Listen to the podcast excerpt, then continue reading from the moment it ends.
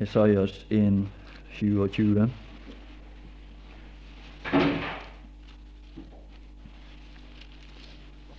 Vi fikk den levende møte, og alt som er forut for grava, det er forbi. Vår fortid er forbi, og det er ikke det som vi kvir for nå. Når vi skal skilles, så er ikke det det vi er redde. Men det er når vi har møtt Han, den levende, så har vi fått liv. Og så er vi litt redd for å skilles. Og så veit vi det at når vi blir aleine, så, så møter dette liv i verden så mange ting som skaper smerte. Og så er det det vi vi kvir for.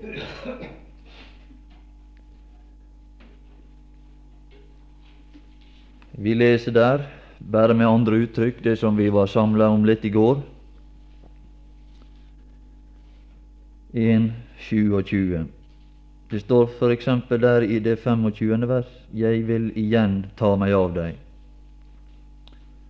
og smelte ut dine slagger med lutsalt er en prosess som ikke er behagelig, og det vi også er nevnt før. Det er denne prosess som gjenger forut for oppreisning. Lutsalt er vel noe med at det er altså ei væske som er i stand til å etse og ta bort det som ikke er av kvalitet. Og så står der Sion skal forløses. Det er ikke vår forløsning, men det er forløsning, og det er et bilde på vår forløsning forløses, men etter bestemte prinsipp. Forløses ved rett. Ved rett. Forløsninga, det er et grunnlag tilveiebrakt av Gud, sa vi i går, hvorpå Gud kan rettferdiggjøre oss. Hebreabrevet 9 12 og vers 15. Vi skal ta de to versene der. Og bare skal ta en del skriftsted for å, å lese opp for hverandre de, en del plasser som vi finner dette omtalt. 12 og 15. Da gikk han ikke med blod, men da Kristus kom, altså han kom fra korset som ypperste prest.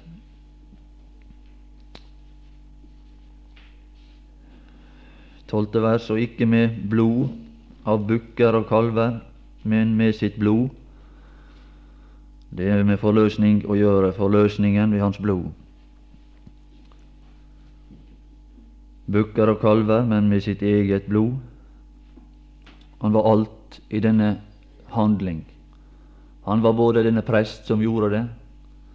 Han er blodet, det er hans person, dette blod som ligger på denne nådestol. Han var presten som gjorde det, og han er også denne nådestol. Han er alle ting. Du ser han alle plasser.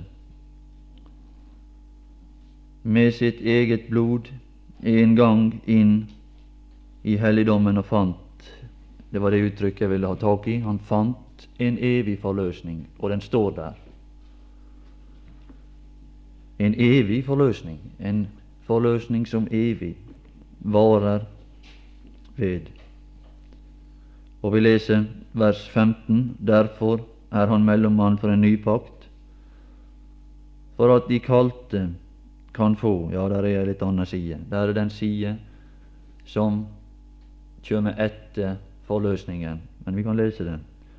For at de kalte skal få, det som de skal få etter at dette skjedd, det som de skal innta etter dette punkt, dette synderens møte med Gud, fra den dag han ikke lenger er en synder, og fra den dag han ikke kalles en synder. De skal få den evige arv.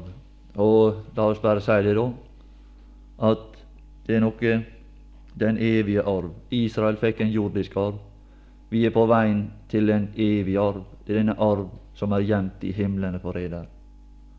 Det er dette som er gjemt i himmelen. Israel var på vei mot et land som flaut med, med guddommelig velsignelse. Vi er på vei mot dette land for at vi skal kunne gå ifra Egypten og søke det som er der inne i dette land. Der er Guds goder. Der er de ting som Gud vil gi oss. Så sier han du må begynne å gå. Du må vandre for at de kalte, som han kalte i Egypten, skal få del i den evige arv, og den er ikke Egypten, sier han. Du må gå. Da søk det som er der oppe. Og der er det.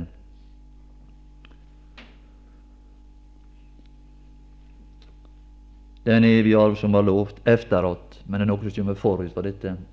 Og så kommer dette land, det kommer etterpå. Efter at en død har funnet sted. Og det er ikke bare det at det er et punkt der forløsning finner sted, men det er ei fortid framfor. Forløsning fra Det var noe som stod og stengde for Gud til å ta oss opp. Og det måtte han først ordne opp for å kunne først forløse oss i Egypten i et øyeblikk, og så kunne gi oss et liv til å vandre og søke de guddommelige ting med en ny natur. Til forløsning fra det er en bestemt, bestemt forhold overtredelsene. Det er i forbindelse med loven. Hvor det er ingen lover, er det heller ingen overtredelse. En, en bestemt side av vår natur som ytrer seg ved overtredelse når Gud setter ei lov. Så ytrer denne natur seg ved å overtrede denne lov, og dermed blir synden kjent for oss. Og den blir kjent for Gud, men Gud har ikke behov for å kjenne den på den måten. Han sto allerede i første Mosebok seks, og så sa han hva dette er for noe. Men menneskene sa det, det vi er gode, vi er bra, vi er bra nok. Det er prektige mennesker. Og Gud kan nok ikke kaste oss i fortapelsen. Ja. En dag så reiste det en ark, så forlot den. Så fikk de føle hva det er for noe, å være under Guds dom. Så så de en ark som, som, som for til himmels, som reiste. Noah var én rettferdig. De fikk se den ene rettferdige, og det har vi også fått sett denne ene rettferdige mann som er skaffa forløsning, og som er bygd ei ark til frelse for verden som tror.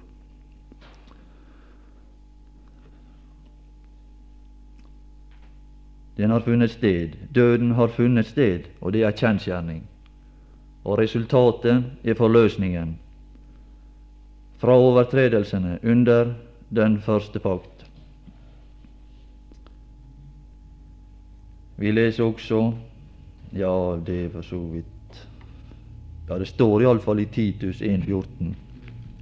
Det er to-tre blad lenger framme her.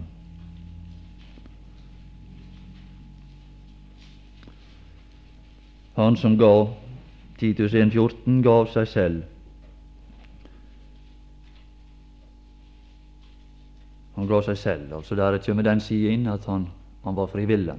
Det var en gjerning fra hans side. Det var ikke bare at Gud brukte han som en betalingsmiddel, men at det, han var sjøl aktiv og med på det hele.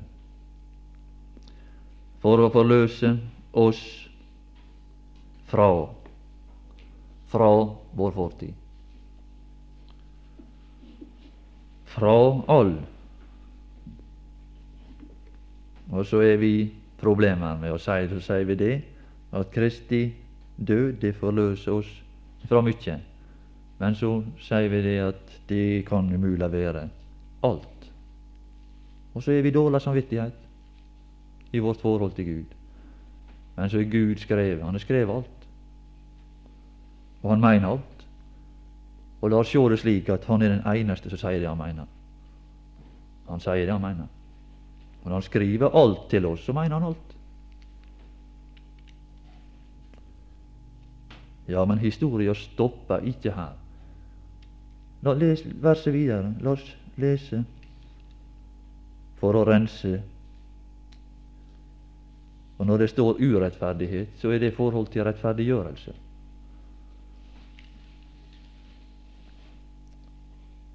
Og da er vi rettferdige. For å rense seg selv, et eiendomsfolk, var det som skjedde i Egypten også. Det ble et eiendomsfolk ut av dette, denne masse som var i Egypten, der de ikke kunne skilles fra hverandre. Det var bare Gud som kunne skille dem fra hverandre. Så blei det et folk som blei utskilt. Dere er, dere som ikke før var, et folk, sier Peter, men som nu. Nu er dere Guds folk. Dere som ikke hadde funnet miskunn. Det var ingen som fant miskunn i Egypten. Det var ingenting å finne, for det var ikke noe. Men de hadde søkt. Og den som ikke finner, han er søkt. Men så var det en som søkte. Den som var på vei bort. Den som søkte og ikke kunne finne. Så søkte han oss. Dere som nå har fått miskunn, det er noe annet. Det er en som kommer deg i møte når du ikke kan finne noe sjøl. Så er det en som kommer deg i møte med det du mangler. Da finner du. Du har fått miskunn. Og det er det som står i Jesajas også. De som vandrer, står der. Først står det de som vandrer i mørket. Og så like nedenfor så står det de som sitter. Det var disse som vandra da de satt seg ned. Er det ikke håp? Er det ikke håp? Er det ingenting å finne i mørket? Ah, de skal se og når du er satt deg ned, når du ikke kan finne noen ting, når synderen er gitt opp i denne mørke natt, og da lot han soloppgang fra det høye gjeste oss. De skal se et stort lys. Og så begynner han å bli beskreven. Evig Fader, fredsfyrste. Da begynner det å tale om han. Ja, det er noe å tale om.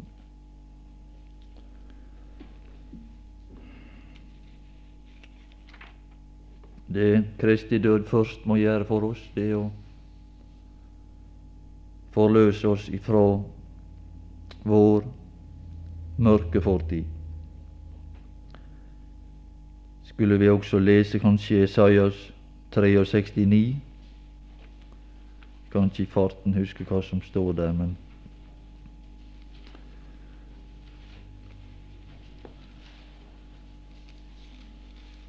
Det med forløsning å gjøre.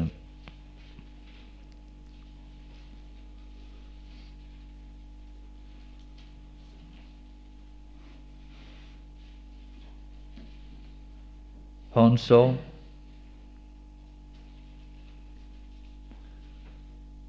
Ja, han er like seg. Kjenner vel han igjen.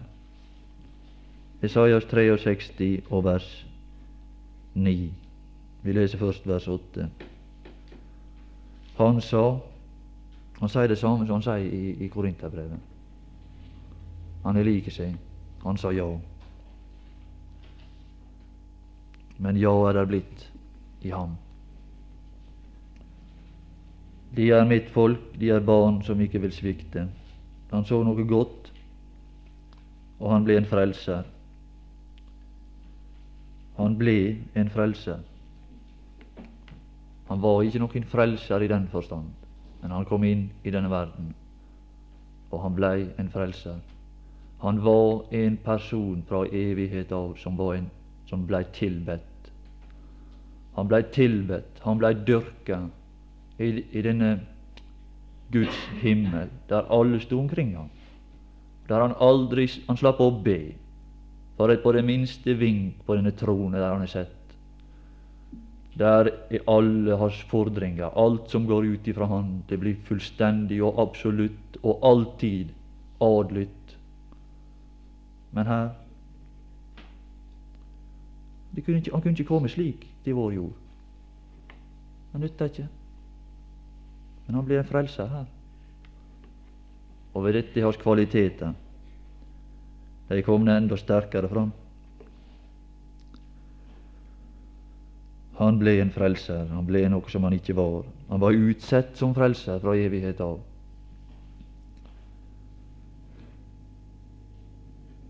I all deres trengsel var det ingen trengsel, og hans åsynsengel frelste dem i sin kjærlighet og store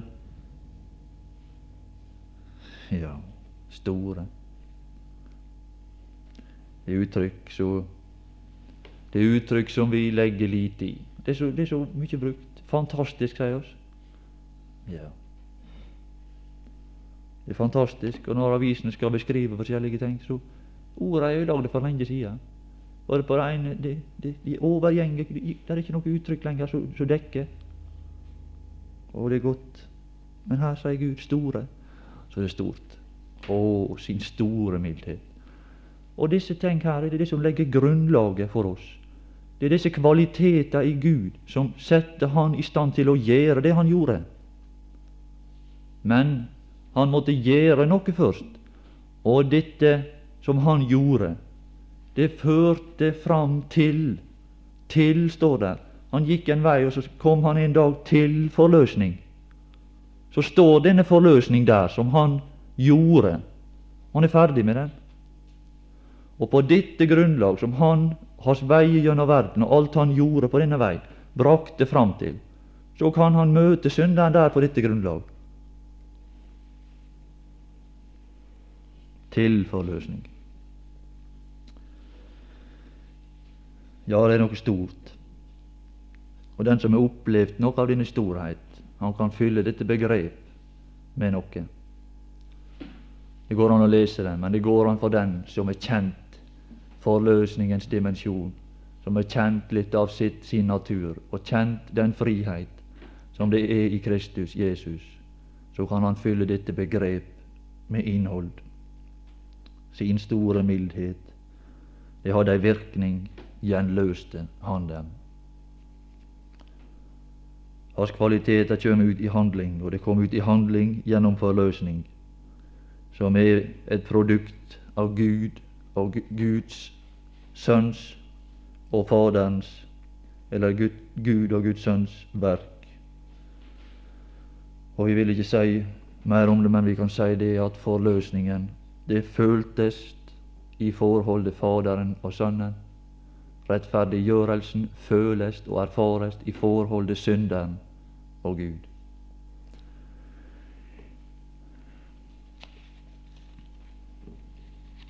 Vi skal se liten grann bare på Romerbrevet 4.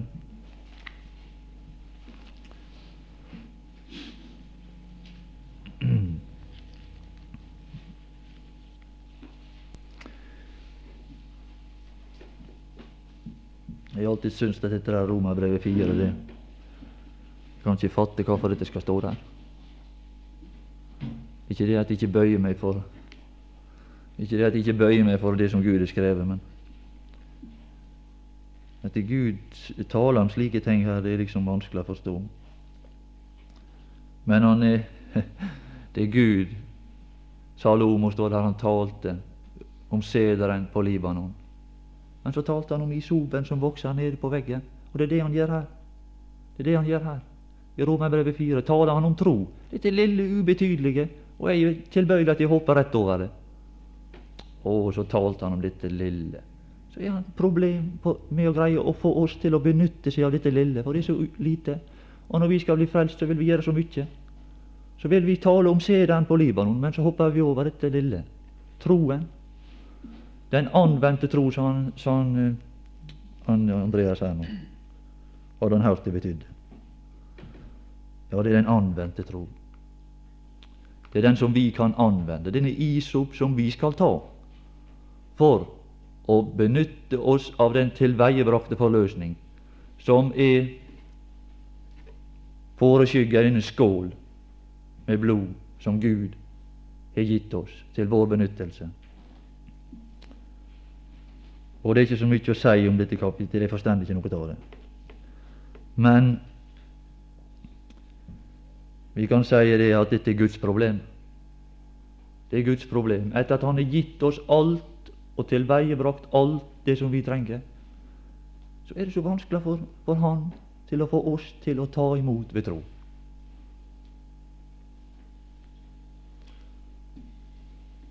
Men det, det lukkes i kapittel 5. Det lukkes. Det er ikke hans problem å ha noe å gi oss her. Det er ikke det som er problemet. Det var problemet. Men nå er ikke det problemet lenger. Nå er det problemet å greie å få, å få iføre oss dette som Han har, og som vi trenger.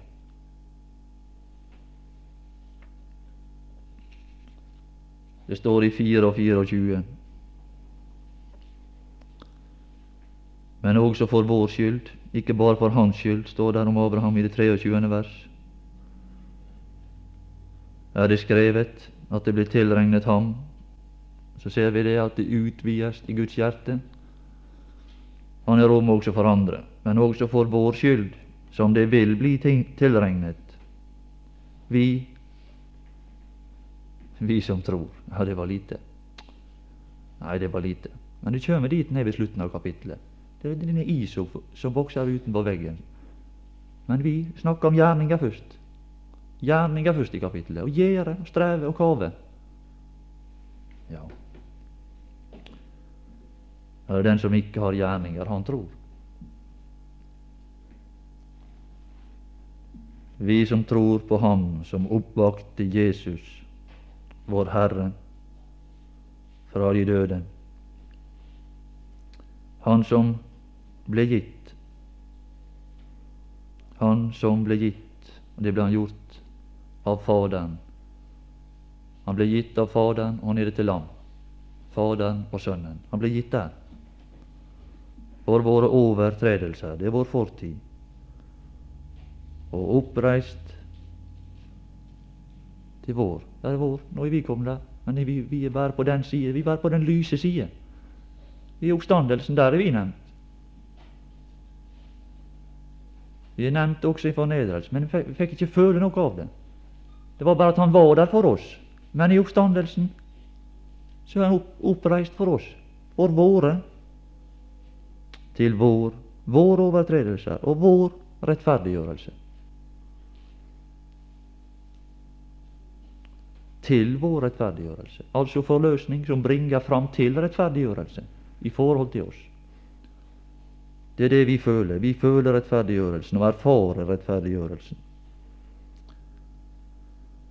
Vi har forløsningen, står der. Det er fordi at den er tilgjengelig for oss. Men vi føler oss rettferdige. Gud ser oss rettferdige, og vi kan føle oss rettferdige i samfunn med Gud. Men vi må aldri basere vår frelsesgrunn på våre følelser. Nei, men det er bare det at når vi er i godt med Gud, så føler vi oss elska. Vi føler at dette her er i orden. Men vi må ikke si det at når vi ikke føler dette, så er det ikke bra. Nei, det er ikke det. For det står her i kapittel 5.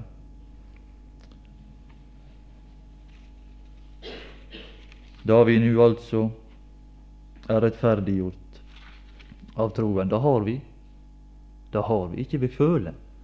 Nei, det er ikke det det er snakk om her. Men det er godt å føle også. Det var en som sa det her, at det er godt å føle det godt av og til, og det vil vi også si. Det er godt å ha gode følelser. Av og til, ja, det er det. Å føle at det er godt i forbindelse med vår frelse. Det er bestilt så mange fordringer til oss. Så mange fordringer. Men så er det godt å få kjenne det. Så han sa, han som satt alene der, jeg sitter her sånn og lar meg elske av Gud. Det er noe det Da er ikke det fordringer lenger.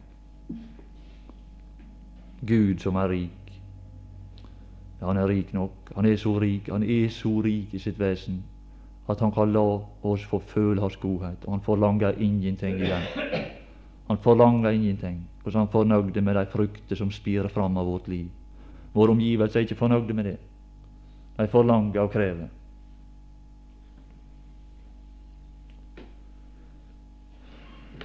Ja, denne tro som vi her taler om, den gjør oss til, til ett med Guds verden.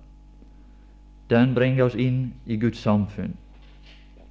Og derfor er Gud tatt seg for å tale om den. For det er nødvendig. Og det står der i Vi er rettferdiggjort. Jeg taler ikke bare om en rettferdiggjørelse som eksisterer, men han taler om vi som er rettferdiggjort. Vi er kommet til det punkt at det kan sies om oss at vi er rettferdiggjort ved dette lille som er troen. Og vi kan se litt på et par uttrykk. Det første det står vel i Vi skal lese bare et uttrykk for å gi en idé om hva jeg vil ha fram her. I det sjette kapittel og det tjuende vers. Bare et uttrykk. Den som er død, er rettferdiggjort fra. Rettferdiggjort fra. Vi blir rettferdiggjort fra noe som er vår fortid. Og det står også i apostelgjerningene 13, 39.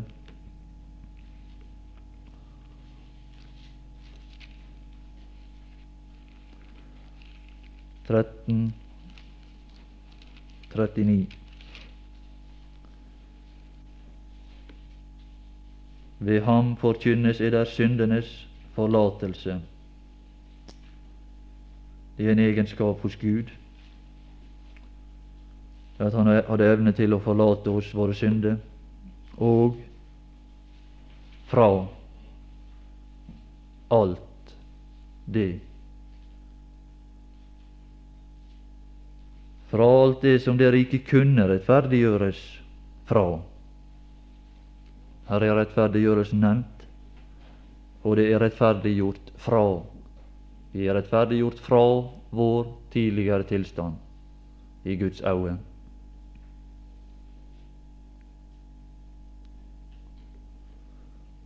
Det var det jeg ville ha fram, understreke det. Så står det da i, vers, i, i Romerbrev 5.1 Men det er ikke bare fra. Når det gjenger fra fjellstua her borte, så går vi til skolen.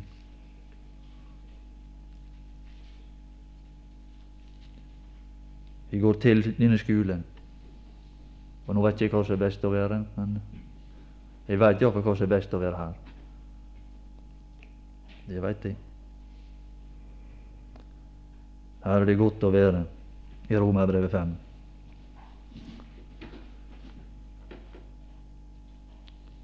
Da vi nå altså er rettferdiggjort av troen, har vi fred. Det er en fred det er den fred som Johannes taler om, den etterlatte fred. Fred som jeg efterlater eder. Fred som ikke er variabel. Fred som står der. Han tok ikke noen ting med seg. Han sa det nå er min jeg skaffa fred, sa men fred er, er der oppe i himmelen. Der er fred alle tider. Så kan han være her, sa han. Dere som behøver fred. Fred efterlater jeg der. Vi har denne fred på grunn av rettferdiggjørelsen. Fred, ordna forhold. Og så står han med. Hva er dette med? Dette til til noe. Vi er rettferdiggjort fra noe, vår fortid, men vi er rettferdiggjort til noe. Så ser vi når vi står der, så åpner det seg et landskap for oss. Nei, her er det godt å være. Å, så er det vidde. Det er noe å begynne å leve i. Fred med Gud. Så der i, i dette denne rettferdiggjorte tilstand. Så ser vi Gud, og så vi, kjenner vi denne fred som går ut ifra Guds vesen. Ja, det er godt å få komme inn i, denne, i dette landskap. Og vi her ifra denne posisjonen fortoner alltid annerledes. Og vi ser her, her erkjenner vi hva godt det var at Gud tok på seg det som han har gjort i romerbrevet her, fører oss fram til en erkjennelse, fører oss fram til frelse og forløsning og rettferdiggjørelse. Og vi er kommet inn i en stilling i hvilken vi står. Og det vi søkte før i verden, det var fred for Gud. Ved å gå bort ifra Gud, så søkte vi fred for Gud. For dommeren som er alles Gud. Vi vil ikke møte Han. For vi har den gale oppfatning at Gud han er ute etter meg. Han er ute etter meg for å ta meg. Min misgjerning, det er dette Kain sa, min misgjerning er større enn at den kan bli forlatt. Oh. Kain, du må stå i ro. Du må stå i ro. Den er ikke større enn at den kan bli forlatt. Det er ingenting som er for stort for Gud. Han makter å frelse.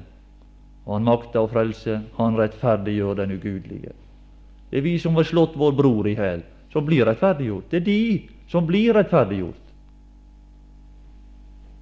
Og han gikk bort fra Guds åsyn. Og resultatet kjenner vi.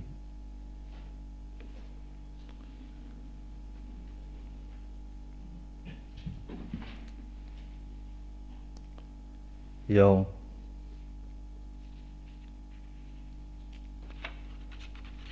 vi skulle også ha sagt liten grann om noe som heter forlikelsen her. Det får Vi kan bare nevne det da før vi slutter av. Det er også ei anna side. Det var nevnt i går kveld i en i samtale der borte. Og det står i, i Romerbrevet 5 og vers 10. Og der står det at vi ble forlikt med Gud. Og det var også sagt at forlikelse er Og når det står 'ble', så peker det tilbake til det som skjedde i forbindelse med Golgata, det som skjer i et menneskes møte med Gud. Det er ikke noe som blir, det er noe som ble, som vi omtaler i fortid.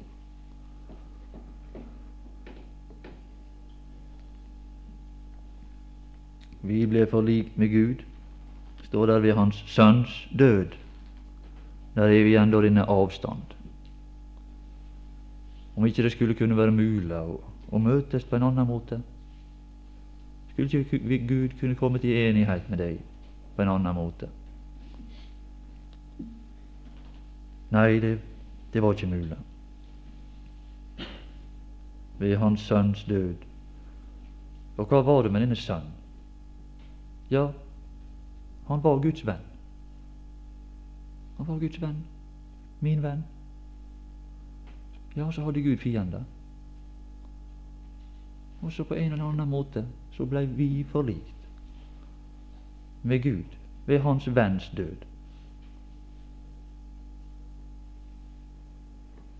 Ja.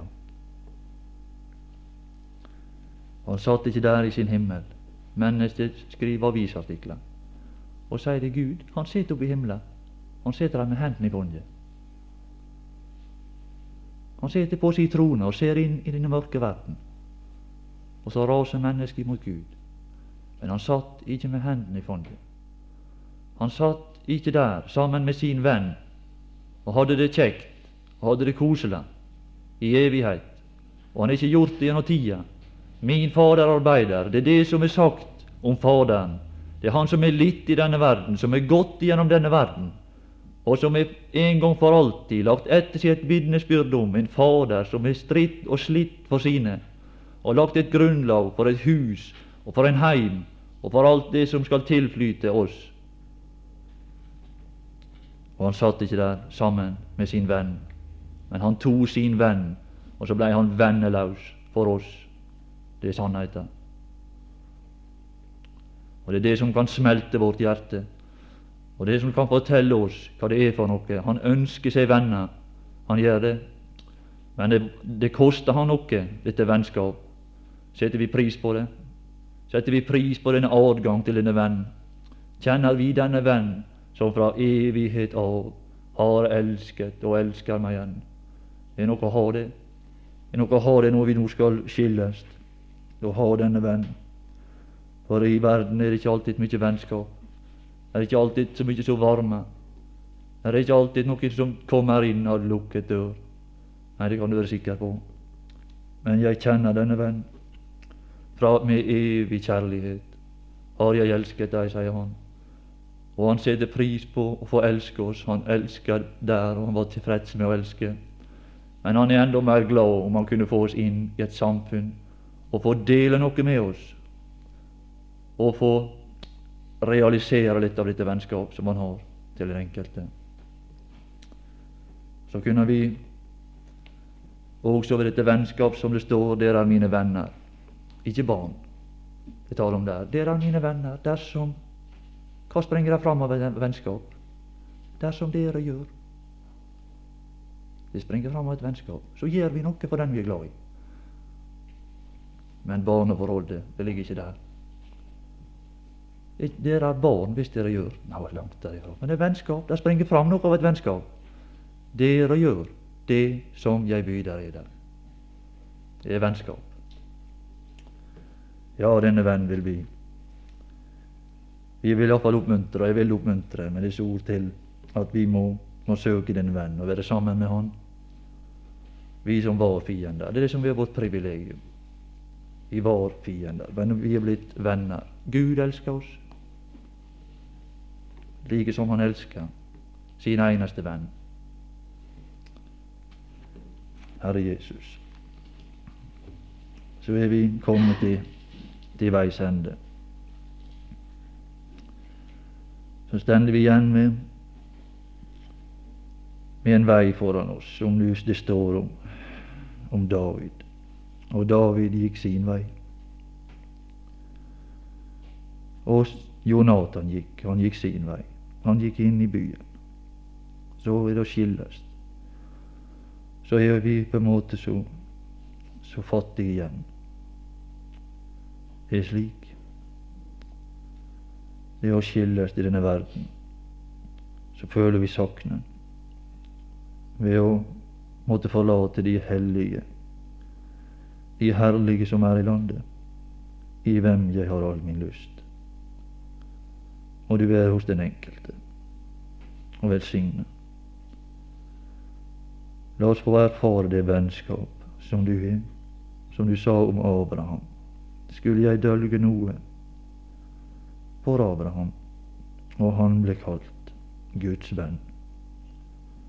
Ja, Herre Jesus, så må du velsigne deg som har tatt på seg din oppgave og stelt i stand dette for oss, at vi, vi fikk komme. Du skal ikke glemme noe i ditt store regnskap. Du skal få det til å gå opp, For du skal takke og ære alle som gjorde noe for deg i denne verden. Og vi unner alle det. Ja, velsign timen som nå kjem, oss alle på vei heim. I Jesu navn. Amen.